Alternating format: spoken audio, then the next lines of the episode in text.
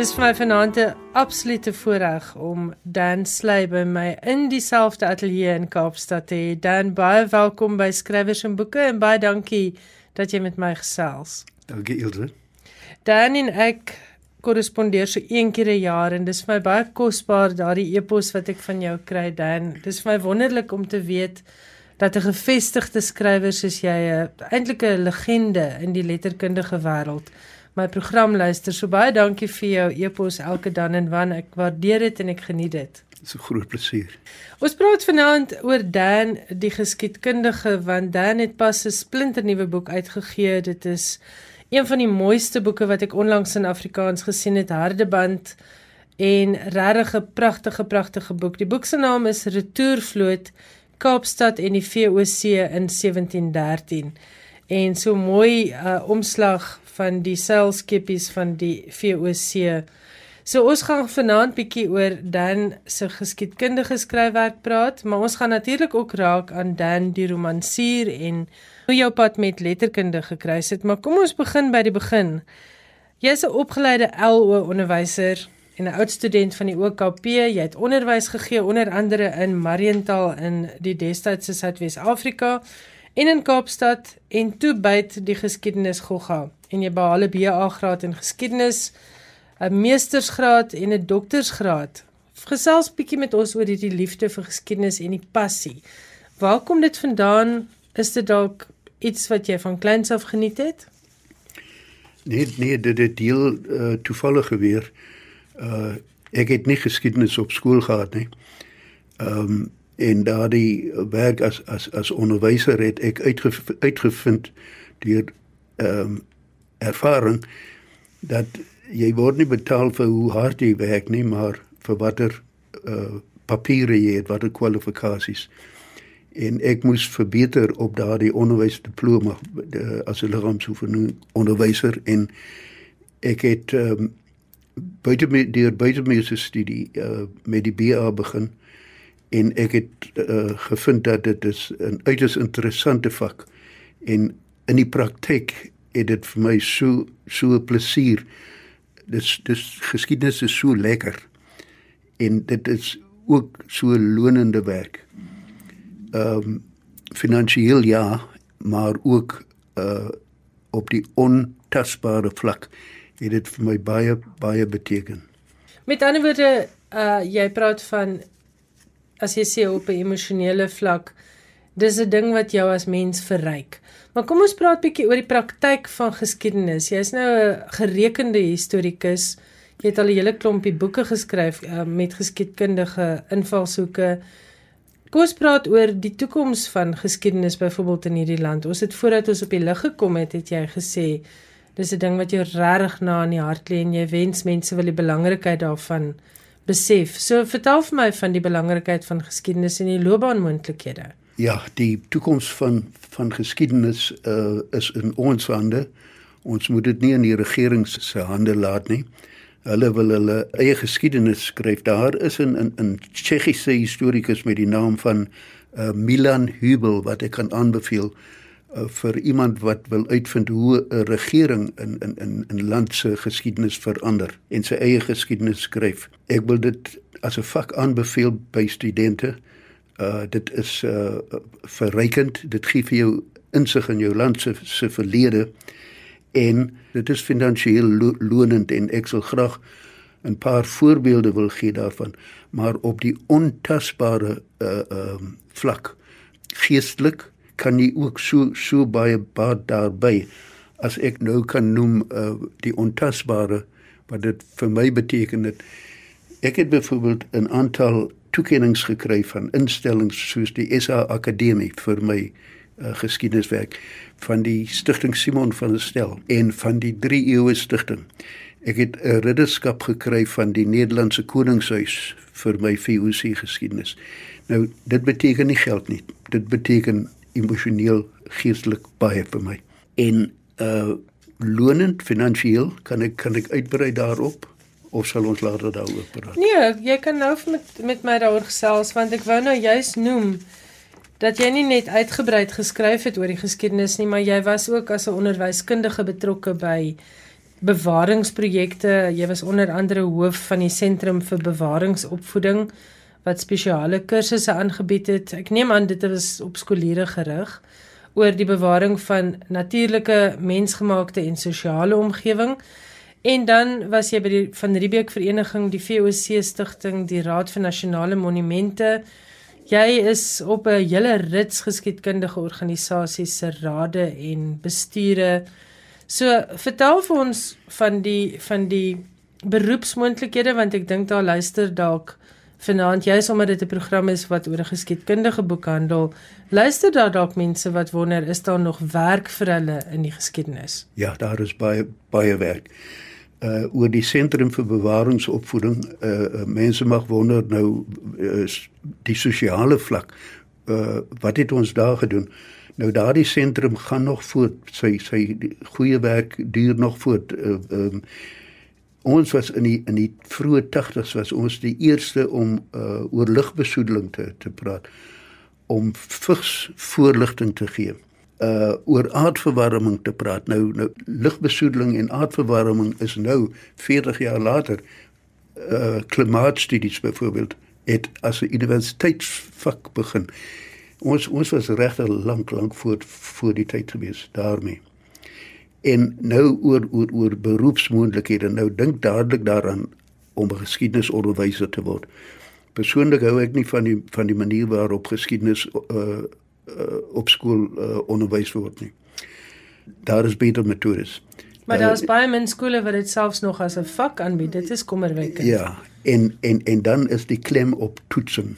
Mm. Dit is een toets in die een eksamen na die ander wat jy moet deurkom uh, in plaas dat hulle die leerders in die in die in die praktyk uh, neem hulle argief toe dat hulle daar studeer. Selfs al is dit 'n platlandse dorp se se se se munisipale argief mm. laat hulle daar begin met met met ondersoek of 'n sekere hotel se geskiedenis of 'n sekere winkel se se se geskiedenis so jy kan eerstens as onderwyser maar dan kan jy ook op 'n hoër vlak en teen 'n beter salaris gaan as 'n dosent by 'n universiteit. En dan is daar die skryf van geskiedenisboeke wat wat goed verkoop wel my ondervinding is dat dit goed verkoop maar jy kan daar dieselfde geskiedenisinligting gebruik om fiksie te skryf en fiksie kan jy jou geld maak uit die skrywers tantine by die verkope maar daar is ook byvoorbeeld kompetisies uh, uh, Tafelberg uitgewers het het, het het het elke 2 of 3 jaar het hulle 'n 'n 'n roman kompetisie uh, ek het 3 maal ingeskryf, ek het 3 maal gewen en dit is mm. pryse van 200 000 rand. Mm. Net so dat daar is 600 000 rand net net uit uit uit, uit 'n paar boeke uit. Maar jy is nou baie beskeie want jy sien net jy het nie net gewen omdat jy 'n goeie geskiedkundige is nie, maar omdat jy 'n goeie skrywer is. die res van ons gaan dalk nou nie so gelukkig wees nie. maar dit is dit vir die vir die geskiedenisonderwyser is dit 'n moontlikheid. Ja, ja dan ek het aan ander skrywers inligting voorsien soos Deleen het ek alles wat in haar Petronella is, het ek aan haar verkoop. Natuurlik het haar talent het van die besonderhede 'n suksesvolle verhaal gemaak. Dis nou Petronella van die Kaap, né? Ja, ja. Deleen Mati. Dan ehm um, het ek aan die uh, afdeling rampbestuur van die Kaapse Stadsraad. Ek het op hulle versoek in 20 jaar gelede 'n katalogus van rampe uh, wat die Skiereiland eiland oor die eeue getref het geskryf en daar is meer. Ek het as 'n spesialis getuie eh, of wat hulle noem 'n expert getuie in die grondeishof en ook in die gelykheidshof verskeie kere. Ehm um, agter die advokaat se skouer gesit en vir hom inligting oor sy skouer aangegee. Vir 2 of 3 maande is nie net 'n baie interessante en leesame ervaring nie, maar die betaling was was was regtig goed. Uh ek het die voorreg gehad om saam met uh, die geniale uh um, Jeremy Gauntlet te werk, mm -hmm. die advokaat. Hy is wonderlik goed. So weer eens 'n verrykende ervaring ook op 'n geestelike vlak. Sekerlik, mm. sekerlik. Dan het ek uh transkripsies van VOC dokumente, 'n 3 jaar kontrak met die Nederlandse regering gehad wat ek in die argief uh gewerk het en die VOC dokumente op op op op uh rekenaar gesit het Dit is die een rede waarom ek nie die eilande boek self kon vertaal nie. ek het net begin aan daardie kontrak, maar weer eens was ek so gelukkig dat Tafelberg het vir Andre Brink gekry mm. en die voorreg en plesier om saam met hom te werk was was was was 'n wonderlike ervaring wat ek nooit sal vergeet nie. Andre het het het het, het 'n pragtige vertaling daarvan gemaak. Die kennis van geskiedskrywing om die geskiedenis van plase te skryf. Die regte ekspert van plase geskiedenis skrywe is my vriend Elena, Dr. Scheffler. Sy het beroemde plase soos Lamotte en Mirazi vir mense soos Anton Rupert en en Ryk Melk geskryf. Sy het 4 5 6 van die goed geskryf. Ek het uh een plaasgeskiedenis geskryf, die van die besondere plaas met die naam Bokbaai langs die kus. Diskus. Ja. ja. Daar is ook dan die die die die die gratis skryfwerk wat jy jy doen vir die liefde van die saak.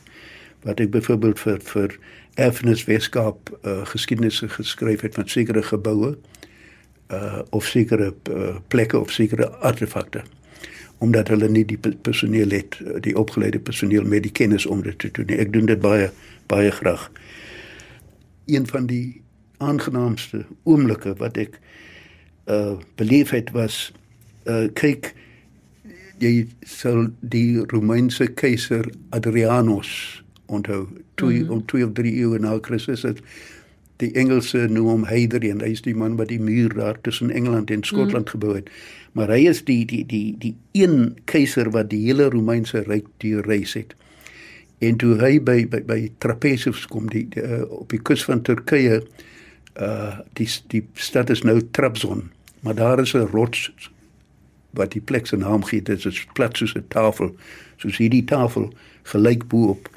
en en ehm um, uh trapezium in die in is is 'n tafel. En ehm uh, Adrianus het het in sy joernaal geskryf vandag het ek gestaan waar Xenophon gestaan het en Xenophon het daar gestaan 3 eeue voor Christus.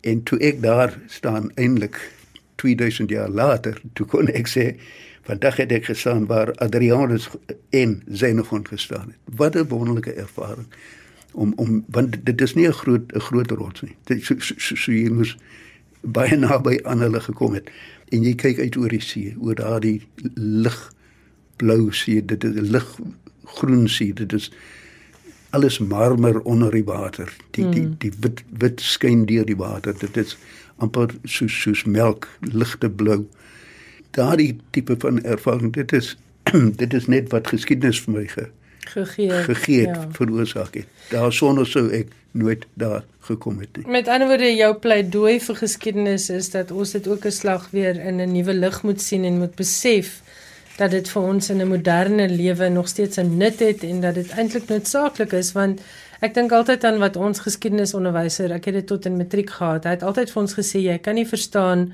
waarna toe jy gaan as jy nie verstaan waar jy vandaan kom nie. En ek dink in 'n land soos Suid-Afrika is dit 'n baie geldige argument. Ja. Die VOC belangstelling spesifiek. Wat was dit wat van jou 'n ekspert daarin gemaak het want dit was ook die onderwerp van jou doktorale tesis. Die titel was Die buiteposte in die ekonomie van die Kaapse Verversingsstasie 1652 tot 1795. Wat is dit van die VOC, die retourvlote, die hele vestiging van die Kaap wat jou so fascineer? Dit is so interessant. dit is so 'n plesier, dit is so lekker. Dit is daar is geen einde aan die aan die VOC nie. Jy kan medisyne uit die VOC hoek bestudeer. Ons het gehad uh, Kay de Villiers, professor Kay de Villiers. Hy mm -hmm. was 'n ekspert op daardie gebied oorlede uh die militêre geskiedenis. Daar is nou 'n nuwe lieflike boek oor van uh een van oort uh, uh The Battle for the Cape hmm. in in en dit is 'n boek wat 1500 rand kos, was omtrent 1500 bladsye. En en en die die militêre en ekonomiese belang van die Kaap vir Engeland en waarom Engeland uiteindelik die Kaap moes hê en moes wat van die kompie. Nou dit is militêre geskiedenis. Maar die die die, die bosbou, die ontginning van van die uh, houtbosse Uh, Andre Appel het het het oor die houtbosse geskryf. Wingerd en wyn en daar het Dico van Sail het daaroor geskryf. Jy kan hoeveel aspekte die skaapboerdery, die die ehm um, die inwolinge, die koina. Hmm. Dis die slawe, dit is nou baie populêr. Uh, wêreldwyd nou almal almal doen navorsing ja, oor die slawe geskiedenis. Ja, en en baie is in trane oor die oor die, die slawe geskiedenis, maar my opinie van natuurlik uit die hoek van histories, jy kan nie emosioneel betrokke raak en jy moet afgetrokke bly. Jy moet die feite bestudeer. Ja, en moenie hmm. moenie emosioneel raak daaroor nie. Kom ons luister nou 'n bietjie musiek. Ek het vir jou gevra om vir my te sê waarna luister jy graag? Net 'n vraag. Luister jy musiek as jy skryf of as jy navorsing doen? Of is daai proses vir jou 'n stil proses? Ja, wanneer ek skryf, dan moet ek luister na my eie klanke en my eie ritmes. Dit is vir my belangrik hoe woorde klink. Ek kies die woorde wat reg klink en jy moet ehm uh, jou jou jou jou ritmes uh, uh inpas. Ehm um, dit is dit is dit is vir my baie baie belangrik so so so, so daarom wil ek stilte hê as ek as ek skryf. Lees jy byvoorbeeld 'n paragraaf vir jouself hardop terug as jy ja. geskryf het? Ja, ja, ek doen dit. En ek wil vir die luisteraars sê ons praat vanaand met Dan Sley oor Retourvloot wat 'n boek is oor die ontstaansgeskiedenis van die Kaap. Ons gaan nou-nou 'n bietjie uitbrei oor die boek. Maar dit is 'n baie leesbare, lekker leesbare en soos Dan sê 'n ritmiese boek. Dit is nie een van daai boeke wat jou in die gesig tref wanneer jy aan die slaap raak daarmee in die bed nie. Dit is regtig lekker lekker lees. Dit lees vir my 'n bietjie soos fiksie en uiteindelik bring dit mens terug by daai ding van die waarheid is vreemder as fiksie. Ja. Jy is waarskynlik die heel bekendste vir romans soos Eilande en Afstande en dan Wils met Matilda, die drie boeke wat jy ook gesê het vir jou die die pryse van by NB in die sak gebring het. Jy het jou skryfdebuut gemaak met 'n digbundel. Ek het dit nie geweet voordat ek nie navorsing oor jou gedoen het nie. En dit was Duif oor die water in 1974. Skryf jy nog poesie? Uh, Daardie titel is Duif oor water. Duif oor water. Ja, dit Jammer. Is, dit is drie kort woorde. Duif vier, vier oor... woorde, vier woorde is te lank. Hoe daar hoor julle hoe ja. werk dan sluis se kop duif oor water. En ek het dit net gedoen soos jy steek jou voet in die swembad om te voel hoe koud is die water. Dit is dit was 'n eksperiment geweest. Ek moet net kyk of ek kan publiseer in Tafelberg. Ek het gelukkig goeie goeie resensies gekry en en 'n goeie keurverslag. Ek vergeet nou die sy professor sy voornaam was Rob, maar Antonissen, ja. Mm. En hy het vir my baie goeie keurverslag geskryf en daarop is dit gepubliseer. Maar as jy dink daaraan, ek dink van Wyk Lou was toe reeds dood, maar Opperman het nog geskryf en Breitenberg en daardie is is meesters. En ek het ook gevind dat vir so baie tyd en harde kopwerk, dinkwerk was daar geen inkomste nie. Dit is dit dit daardie tyd het jy tantieme gekry van iets soos 15 sent op 'n boek. Dit is nie die moeite werd nie. En ek het dit gelos en laat ek sê ek het geprobeer om die tegniek in die prosa toe te pas. Soos die klanke en die ritmes en daardie gespesialiseerde taal wat die digters gebruik, mm. het ek probeer om om in die prosa toe te pas.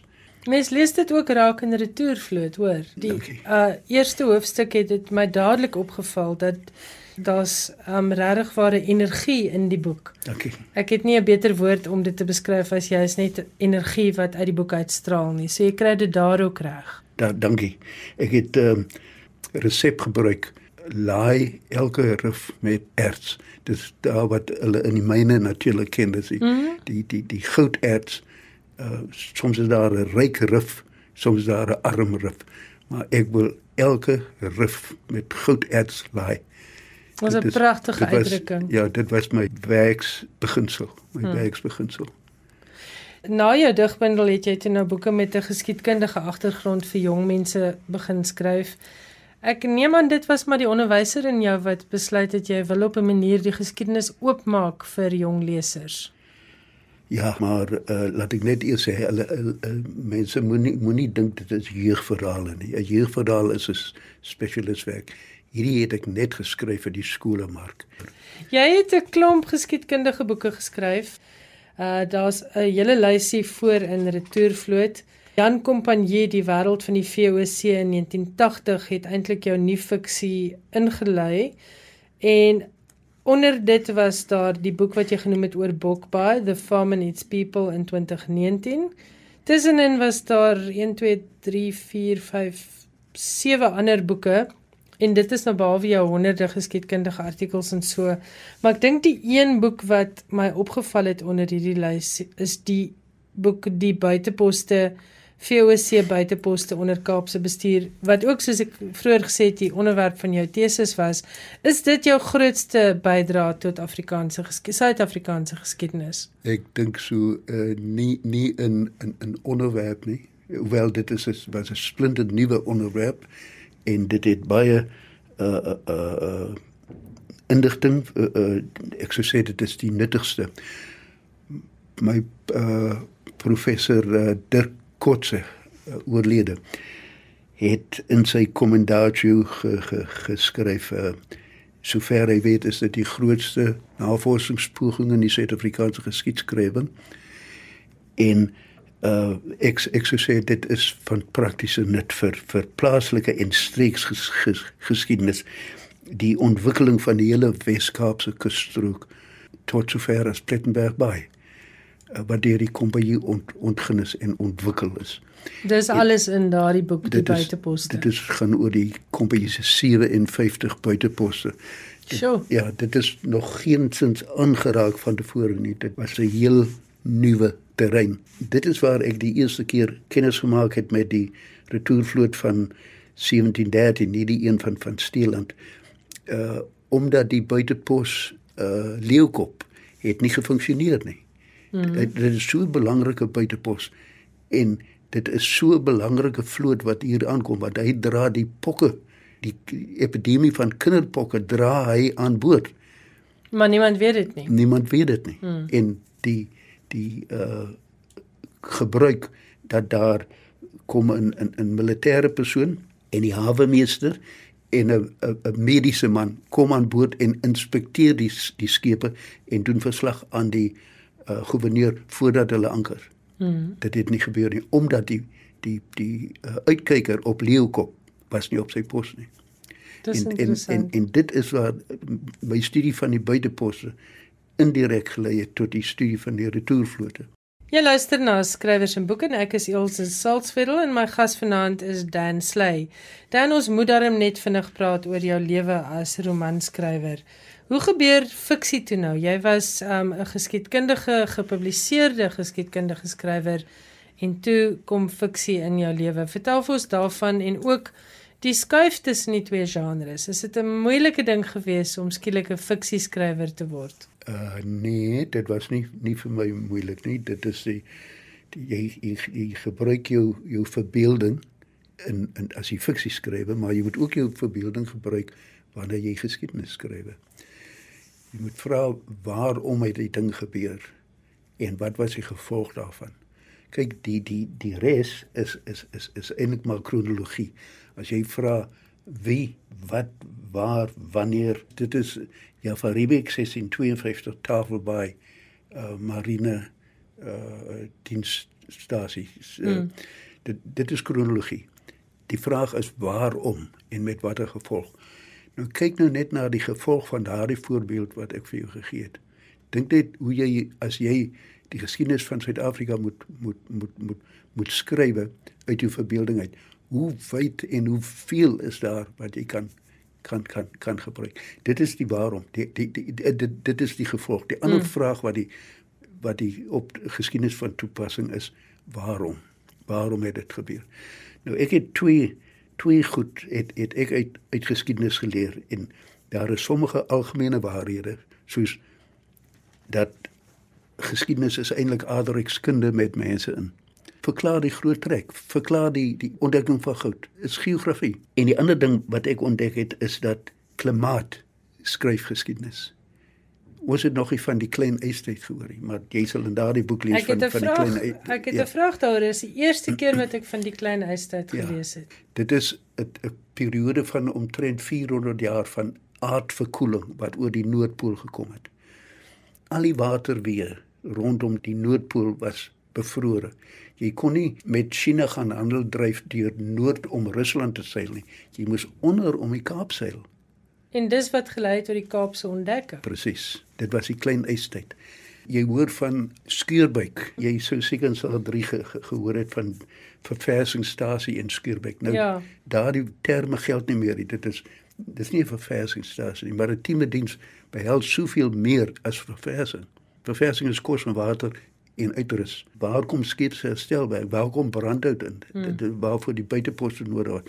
Landvervoer. Ja, die die ander een wat wat ons kan van vergeet is van Skeurwyk. Skeurwyk is volgens die Sander 3 geskiedenisboek uh, ontstaan op skepe hmm. as gevolg van die uh, uh, gebrek aan vitamiene in die dieet. Die Skeurwyk het op land ontstaan omdat die grond bevrore was en die mense kon nie boer nie. So dit het eintlik het hulle met hierdie siekte aan boord gekom. Hulle het aan boord gekom hmm. en op see gesterwe. Natuurlik die omstandighede aan boord het dit het dit nie genees nie, ja. dit het dit eerder vererger. En dis sommer in jou eerste inleidende hoofstuk is dit twee van die verstommende feite wat ek geleer het uit hierdie boek van die klein huisstadperk en die skeerbuik. Ja. Dit was vir my baie interessant. Ja, dit is dit is waarom ek sê dat dat dat klimaat skryf geskiedenis. Geskiedenis is aardrykskunde met mense in daar's ook ander ander dinge wat wat ek uit geskiedenis geleer het is die die skade van politieke ideologie, die rampe en die verwoesting wat retoriek en simbole daardie twee goed veral en die skade van onkunde en vooroordeel dis twee van die grootste sondes daai is onkunde en en vooroordeel. Hoe weet van retourvloot Beskou jy dit as 'n logiese slot vir al hierdie baie geskiedkundige boeke wat jy geskryf het wat begin het by jou navorsing oor die VOC en die die buiteposte? Want jy praat jy het net al gesê jy het al vroeg geweet van van Seeland se reis maar ek lees in die voorwoord van hierdie boek dat retourvloot kom eintlik uit um, of is geïnspireer deur 'n onontdekte skeepsjoernaal van ja, hom. Wat ons wat ek ek ek gelukkig was om te ontdek. Ek was besig om inligting te soek oor die karakter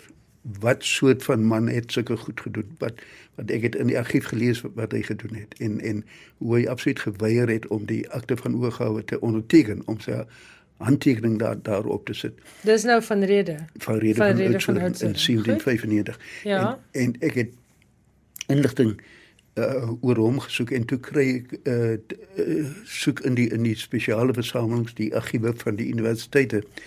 En in die universiteit Witwatersrand kry ek toe inligting oor oor uh, Faride van Oudtshoorn twee dokumente wat hy geskryf het. Of dis dis nie onderteken nie maar dit, dit word beweer dat hy dit geskryf het. En ek het dit toe nie nie, nie gebruik nie omdat ek nie seker was dat dit hy dit wel mm. geskryf het nie. Maar toevallig sien ek in die katalogus van spesiale kolleksies by Wits die joernaal van admiraal Johannes van Steeland baas van die retourvoet van 1713 en ek het jare gelede 'n artikel in 'n tydskrif ges, geskryf oor die pokke epidemie en hier kom die man se se dagboek te te, te voorskyn. En, en ek kon destyds nie vasstel hoe die die pokke hier uitgekom het nie. Maar ek het geweet die datum is 1713 en ek het 'n vermoede gehad dit het met die retour voortgekom en soubaar dit het sy vyf kinders het die pokke gehad aan boord vier van vier van die vyf die oudste dogter het nie waarskynlik omdat sy reeds dit as 'n kleiner te, kind gehad het tevore mm. die siekte gehad het ja het hulle oorleef. Almal het oorleef. Hulle was reeds gesond toe hulle by die Kaap kom. Maar die kiem was aan boord. En daardie kieme kan 80 jaar hou. Sjoe. Hulle hulle hulle gaan nie dood nie. Iets wat ek baie interessant gevind het ook in in jou boek, ook sommer vroeg al, um skryf jy oor die verskillende retourvlootmaatskappye. Ek dink dit was ook vir my 'n opvallende vergelyking. Dis 'n multinasjonale maatskappy. Ons ja. sit nou hier met staatskaping waarin multinasjonale maatskappye 'n vinger gehad het want hulle het eintlik die naïwiteit van politici gebruik ja. om hulle wêreldwye belange uit te brei. Maar die VOC was maar een van die multinasjonale maatskappye wat retourvlote gehad het. Die ander ene was die Engelse East India Company en ja. die twee is nogal verskillend as dit kom by sukses.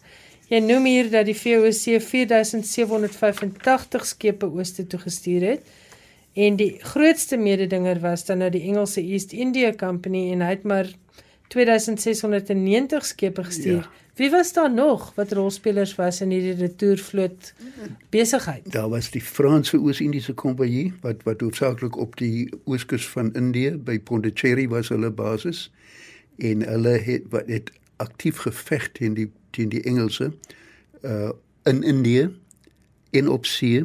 Mhm. Mm Duplay was was hulle groot uh, amper sê ek nou Jan van Riebeeck wat was hulle, hulle groot, groot goewerneur hulle groot groot kerel mm. D U P L E E X Duplay en hulle groot admiraal was de Suffra mm. en en en um, Napoleon het het gesê as ek maar daardie twee manne in my tyd gehad het dan net ek die Engelse oorwin maar natuurlik toe is hulle al baie lank dood. Mm, mm. Die die die ander was die Deense Oos-Indiese uh, so ver.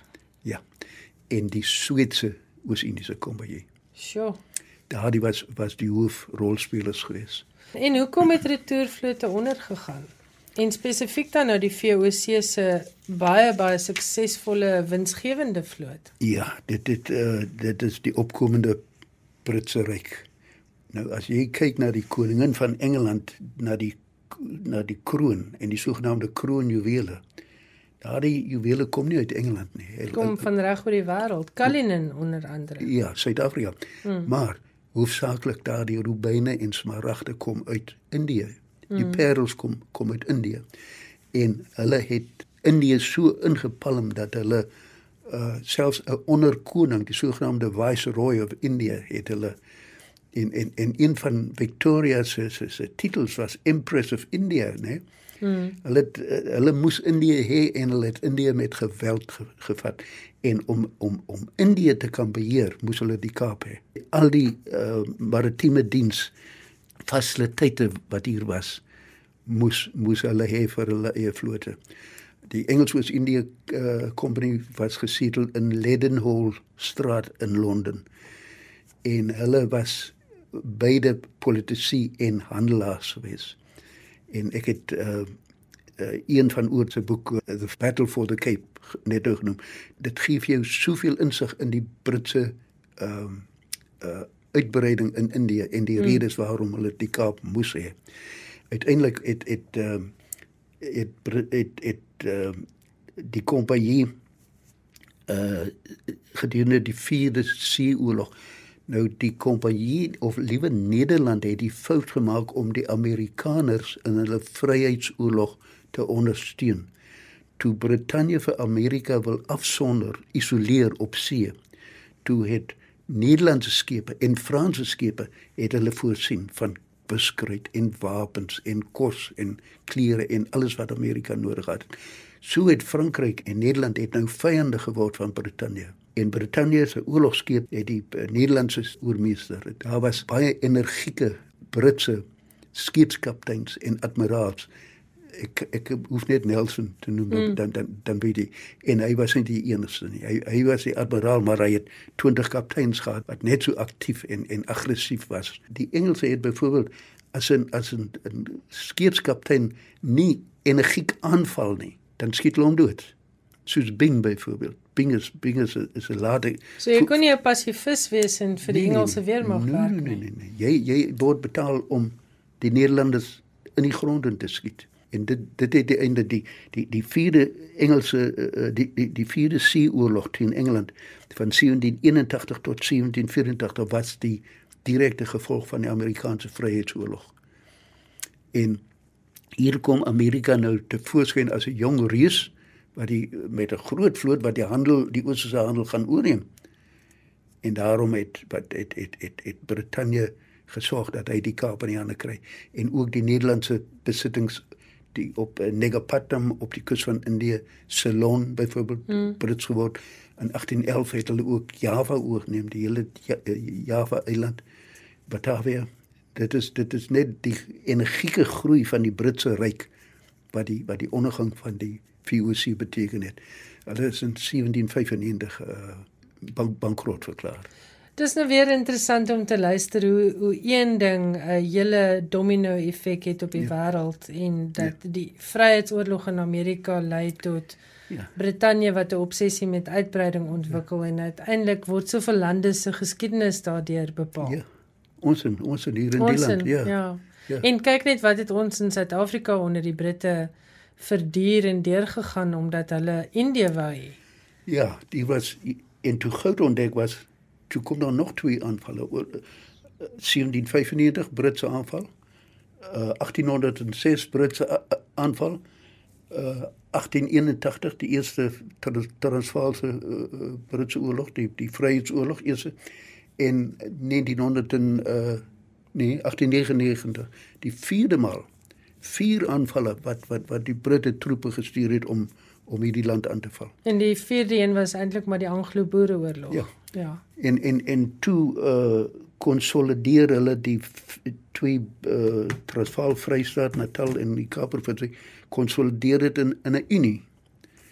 Nou ons ons het die ons het die 'n unie nodig gehad nie. Ons mm. het Brittanje het 'n unie nodig gehad, maar ons het dit nie nodig mm. gehad en sê en en ehm um, en so voort en so voort. nou as jy vanaand se gesprek met Dan Sly geniet het, dan weet jy nou die boek wat jy moet aanskaf is Retourvloot Kaapstad en die VOC in 1713 want die hele boek wemel van interessante inligting. Ek en Dan het nou nie eintlik eers onder die oppervlak gekrap um, met ons gesprek vanaand. Dis soveel interessanthede. Jy word beskou as een van die grootste kenners as dit kom by geskiedenis. Maar nou wil ek weet, was daar iets in hierdie skeepsjoernaal wat waarop retourvloot gebaseer is of in die ander bronne wat jy nagevors het wat jou verras het, wat vir jou nuus was? Want jy ja. dit klink vir my jy weet redelik alles wat daar te weet is oor Suid-Afrika ja. se ontstaansgeskiedenis. nee, ek sou daarmee daar is te veel, maar ehm um, maar in hierdie geval het dit 'n paar dinge skielik bymekaar gekom wat ek nooit gedink het sal sal bymekaar kom nie. In die stad Vlissingen op die kaai staan 'n standbeeld van 'n man met die naam Frans Narebout. Hy was 'n lewensredder en 'n loods. En is 'n is 'n mooi 'n waardige standbeeld. Jy sal sien die foto is is in die boek. Kan ek net onderbreek 'n loods is in iemand wat 'n skip by die hawe uitneem, daardie loods. Korrek. Ja. 'n Skakel tussen die Swellendam se kerk. Nou die kerk op Swellendam is vir my 'n besondere mooi kerk. Hoe kom die twee bymekaar uit? Daar was 'n houtkapper op die buitepos Outeniqualand of soos hulle sê Outeniquasland. Dit is waar die dorp George nou is. En die houtkapper het geweier om sy osse te te verniel. Hy's gestuur met 'n vrag geelhout boomstompe Kaap toe.